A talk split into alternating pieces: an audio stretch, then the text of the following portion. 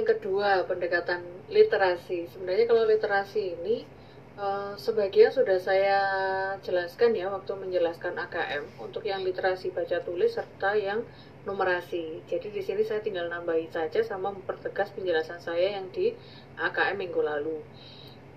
Nah, sekarang saya mulai dari mengapa sih harus literasi gitu ya. Kok literasi itu dipakai untuk pendekatan dalam melakukan penilaian kenapa gitu.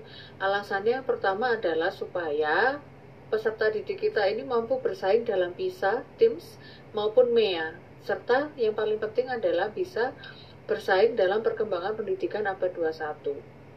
Nah, karena apa? Karena untuk bersaing di PISA, TIMSS, MEA, serta perkembangan pendidikan abad 21 itu diperlukan literasi dasar meliputi literasi baca tulis, numerasi, sains, digital, finansial, budaya, dan kewargaan. Bukan kewarganegaraan ya, tapi kewargaan. Terus sudah gitu literasi kompetensi yang meliputi 6C seperti yang saya jelaskan di minggu lalu dan literasi karakter. Nah, jadi uh, yang kalau di AKM kemarin kita sudah membahas literasi uh, membaca dan numerasi itu sebenarnya adalah literasi dasar. Masih ada dua literasi yang lain gitu. Terus kenapa harus literasi? Karena literasi itu diperlukan untuk memperkuat kemampuan individu sebagai personal dan sebagai anggota masyarakat untuk bisa menguasai ipteks, pendidikan, kesehatan, ekonomi, politik, budaya, dan supaya peserta didik ini nantinya semakin peka dengan lingkungan sekitar. Gitu. Jadi kenapa diperlukan literasi itu karena itu. Nah, lebih detailnya lagi akan saya jelaskan berikutnya ini apa pentingnya literasi baca tulis ya.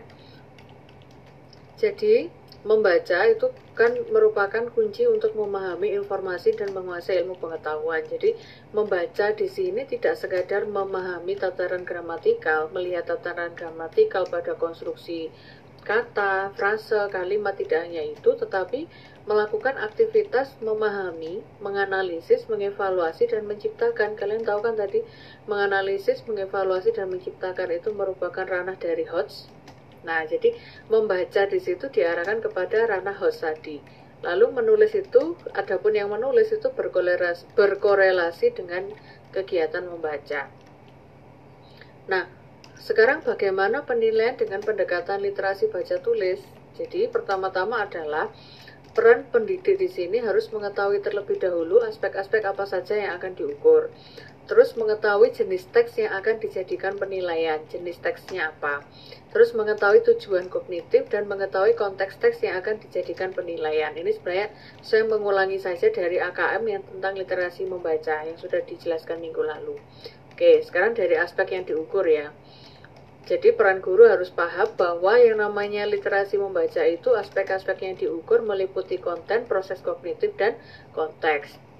Nah, untuk jenis teks yang dijadikan penilaian itu ada teks informasi dan teks fiksi. Ini kan sudah ya. Untuk apa tes informasi ini diujikan adalah untuk menguji kemampuan peserta didik dalam memberikan fakta dan data serta informasi dalam rangka pengembangan wawasan serta ilmu pengetahuannya. Terus untuk apa teks fiksi itu diujikan, dinilai gitu ya, supaya peserta didik itu memiliki pengalaman untuk mendapatkan hiburan, menikmati cerita, tapi sekaligus melakukan perenungan kepada pembaca melalui aktivitas yang C4, C5, dan C6 tadi. Terus tujuan kognitifnya apa gitu. Jadi uh, literasi membaca, literasi baca tulis itu diujikan karena tujuannya adalah secara kognitif untuk me memberikan peserta didik kompetensi menemukan informasi, menginterpretasi dan mengintegrasi informasi, baik itu tersirat maupun tersurat, kemudian juga mengevaluasi dan merefleksi. Jadi lagi-lagi tiga aktivitas ini ada kaitannya dengan yang C4, C5, dan C6 tadi. Kemudian konteks yang dijadikan penilaian itu apa? Konteks teksnya ada teks yang bersifat personal. Jadi seperti ini, si kikir dan emasnya. Kenapa ini personal? Karena makna dalam cerita ini bisa untuk menjadi e, pendidikan karakter untuk si pribadi pembaca tersebut. Maka dikategorikan teks dengan konteks personal. Terus ini ada teks Contoh teks dengan konteks saintifik, jadi misalnya manfaat makan ikan mengandung omega 3 dan seterusnya. Ini konteksnya saintifik. Lalu ada juga teks dengan konteks sosial budaya, contohnya seperti ini. Ini saya ambil dari soal kelas 11, literasi membaca kelas 11. 5 eh, tips keuangan untuk kamu. Nah, kenapa ini sosial budaya? Karena ada kaitannya dengan gaya hidup kaum muda saat ini, terus bagaimana kaum muda ini bisa mengelola keuangannya dalam hubungannya dengan posisinya dia ketika menjadi anggota masyarakat. Seperti itu.